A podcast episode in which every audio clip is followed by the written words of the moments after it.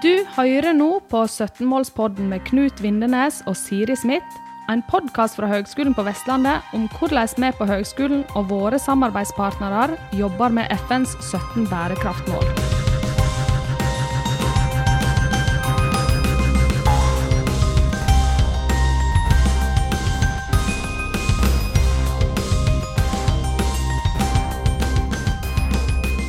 Ja, da har vi med oss Tina Saltvedt, sjefanalytiker i Nordea på Sustainable Finance, hvis jeg har lest rett på Google her. hei, hei. Velkommen. Eh, og så er du også, eh, det som er aktuelt, veldig aktuelt, er at du også er leder for et ekspertutvalg for klimavennlige investeringer. Eh, ja. Det stemmer. Det fikk, jeg, mm, det fikk jeg spørsmål om nå i løpet av sommeren. Og det takket jeg selvfølgelig ja til. Det er superspennende. Eh, så vi skal da levere en rapport i juni neste år, hvor vi da ser på, på um, rammebetingelsene egentlig for eh, bærekraft eller eh, grønne investeringer. Og hvilke virkemidler som må til for å øke hurtigheten og, og bedre forholdene her i Norge. Så det blir veldig spennende. Ja, ja. Fortell litt, litt, mer om det før jeg kommer med det kongespørsmålet vårt som jeg stiller til alle. Hva, hva, er det du skal gjøre egentlig i dette ekspert, ekspertutvalget? Nei, Det vet vi jo ikke helt ennå, for vi har ikke startet. Eh, men så lenge har vi bare oppnevnt eh, utvalget. Men det vi skal se på, er jo eh, hvordan virkemidler som trengs for å øke investeringene i, i, de grønne næringene, rett og slett. Og det er grunnen til det er at vi må for det første skape arbeidsplasser for fremtiden. Og for det andre få i gang det grønne skiftet mye raskere enn det vi jobber med i dag. Er det statlig finansiering da, eller er det fra privat, eller ja. Jeg tenker at For å få til det grønne skiftet, så må stat og privat eh, jobbe sammen. Eh, men det er jo viktig at det virkemiddelapparatet vi har fungerer, slik at vi faktisk eh, kan få i gang de løsningene Eh, som er helt nødvendige for å bygge opp for det første nye arbeidsplasser i Norge, men ikke minst også for å nå Paris-målene. Mm. Så det er jo det vi skal se på, at vi må få dette til å gå fortere, og hvorfor en del prosjekter stopper opp i dag. Hva er det som må til for å få de videre? Og så skal jo Norge er jo et eksportland i dag. Vi trenger å øke eksport, eh, eksporten vår, eh, fordi at mye av eksporten i dag er jo olje og gass.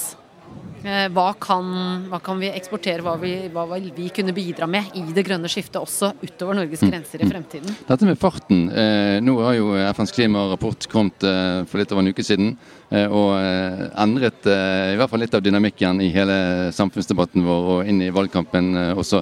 Hva, hva, tenker du rundt det? Altså, hva, hva, fornemmer du, eller hva, hva, hører du rundt deg nå i Arendalsuka rundt farts- eller taktskiftet, som vi vel bør ha?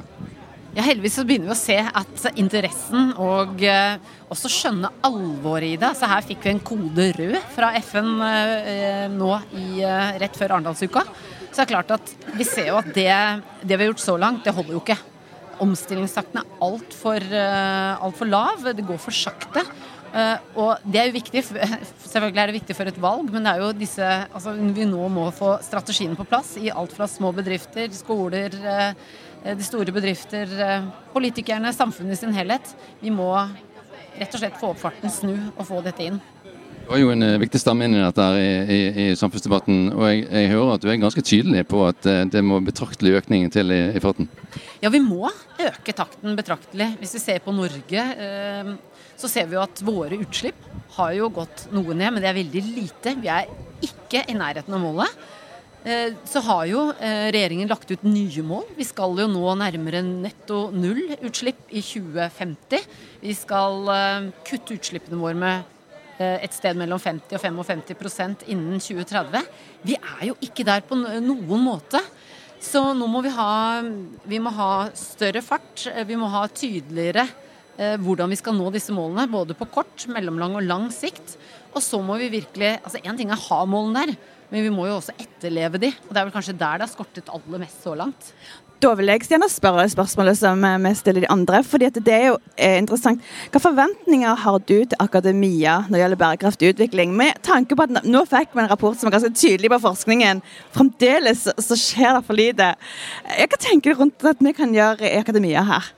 Jeg tenker akademia har eh, en eh, viktig del i dette.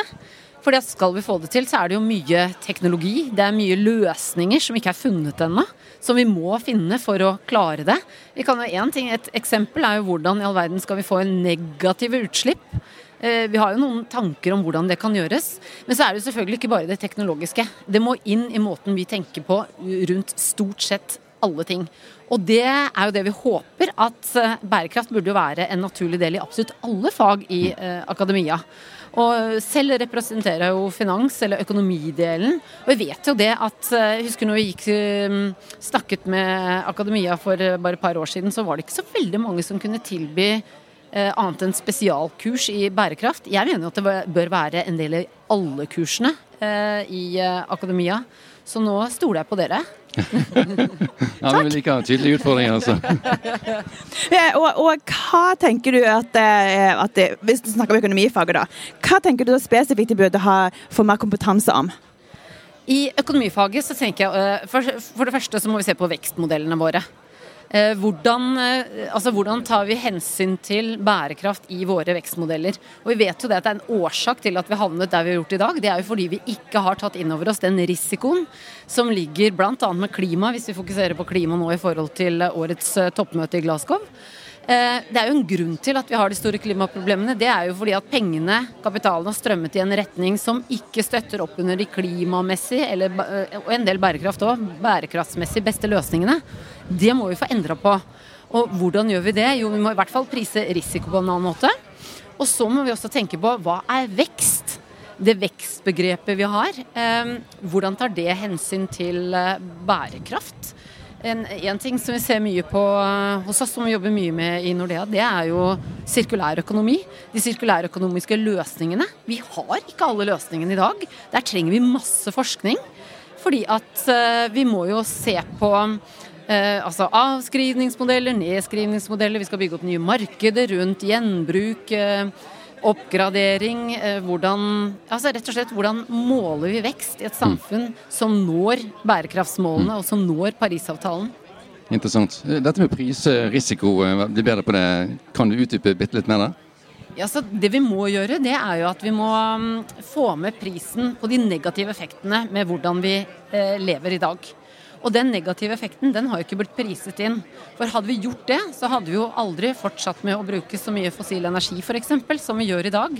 Så det vi må få inn, er jo verdien over hele, tids, eh, altså over hele øh, linja eller øh, sirkelen her.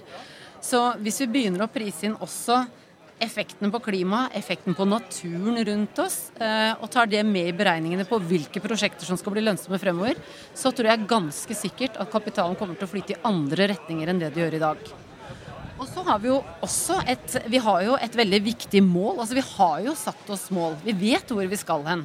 Og for å nå de målene så er kapitalen en, en veldig vikt, et veldig viktig verktøy.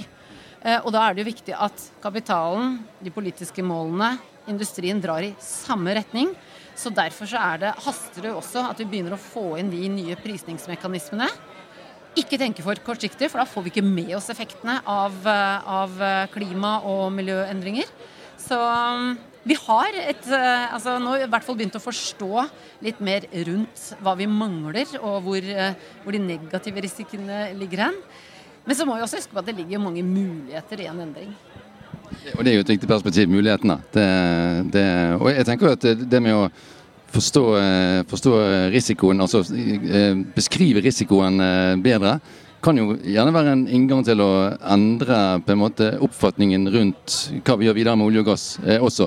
Der 55% gjennom Norstat nylig sa at de støtter videre oljeleting, og, og opinionen fortsatt er, er mest på videre, videre oljeleting. Så det er jo på en måte ja, påvirke, påvirke, på en måte Norge AS da, til å gå, virkelig gå grønnere. Det, det, ligger jo kanskje gjennom Kanskje det med risikoforståelse er en inngang. Og, og Money Talks, så hvis jeg kan koble, så ja.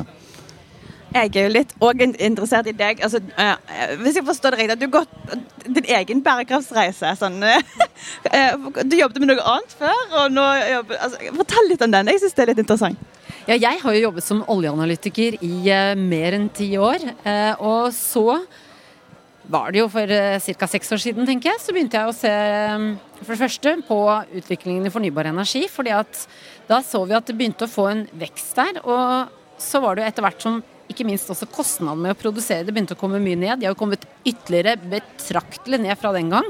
Men vi begynte å se at hvis dette fortsetter i det samme tempoet, så vil det jo etter hvert begynne å påvirke eh, energi, eh, altså det samla energiforbruket vårt i en annen retning. Så dette skiftet begynte å, liksom, eh, begynte å skimtes der i, i horisonten.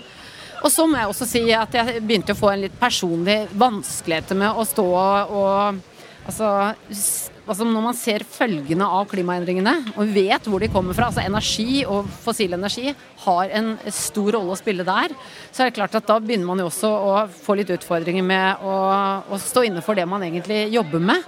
Så jeg tenkte hva kan jeg? Jo, jeg kan noe om finans, og jeg kan noe om energi. Så da slår vi jo de sammen, og så jobber jeg med bærekraftig finans. Det tenkte jeg var en god løsning. Ja. Kjempegod løsning! Veldig bra, veldig bra. og nå har du fått en superspennende utfordring i det ekspertpanelet. Og det er jo sikkert for dette her valget du tok den gangen. Ja, det regner jeg med. Eh, at eh, det er litt eh, fordi man har For det er viktig. Altså, vi skal jo Altså, vi er jo en olje- og gassnasjon i dag. Vi mm. skal klare denne omstillingen. Mm. Og som dere også var inne på, altså det er viktig her å få Altså, vi skal skape nye næringer. Vi skal skape arbeidsplasser. Mm. Og særlig den muligheten som ligger i det. For det er klart at alle blir jo bekymra hvis de føler at sin egen stilling er truet. Ja, ja. Sikkerheten rundt seg er truet. Og det er klart at Da må vi komme med løsninger til hvordan kan man omstille og omskolere. Mm. Mm. Og finne nye muligheter, og spennende muligheter. For de som i dag jobber i olje- og gassindustrien. Har industri og politikere sånn sett vært flinke til å være tydelige nok der? Altså, løfter vi frem de nye prosjektene konkret nok, sånn at det gir en trygghet? Det begynner å komme. Eh, vi ser jo noen eh, sektorer eller næringer har blitt trukket fram. Det er jo hydrogen særlig. Eh, karbonfangst og -lagring. Vi har jo også en satsing på elektrifisering av, av maritim sektor i sin helhet. som New Sheep f.eks. Som er spennende satsinger. Men jeg tror helheten mangler litt. Fordi at jeg jobber jo i Nordisk bank. og vi liker jo å si her i Norge at vi er ledende på nettopp dette med klima. Og vi ligger i førersetet der. Naboene våre ser ikke det. De ser oss som en olje- og gassnasjon. Så det er klart at vi gjør det veldig bra på noen ting. Eh, og tør å satse på en del ting. Men så henger vi jo fremdeles igjen i den gamle modellen ennå. Eh, så det er jo der vi må tørre å ta den endringen. Og der, hvis jeg skal være helt ærlig, så syns jo jeg eh, Nå er det klart jeg er jo litt påvirka av hvor jeg står hen sjøl, men, men jeg syns jo at industri, næringsliv finansnæringen nå er eh, ledende før politikerne. Eh, vi savner at de tør å ta de grepene som er helt nødvendige for at vi skal nå de mellomlange og langsiktige målene som de selv har vært med på å sette og skrive under på. Mm. Farta er ikke stor nok der. Eh, og jeg hadde jo håpet å se mer av det nå før, før valgkamp, eller i valgkampen. Mm. Men så langt har vi ikke sett noen gode nok grep til faktisk å nå de målene. Og vi som si, akademia eller eh, forsknings- og utdanningsinstitusjon ser jo òg nettopp det som du sier, at uh, industrien ligger langt foran. Og, de, og, og på Vestlandet, da, der som vi kommer fra, så ser dere utrolig masse spennende som skjer. Uh, så det, det, det, det, tenker vi må bare henge oss på. Og så, og så, så må jo bare politikerne våkne. og det var sånn, nettopp altså, Hva er vitsen med forskning hvis man ikke tar hensyn til det? Sant nok.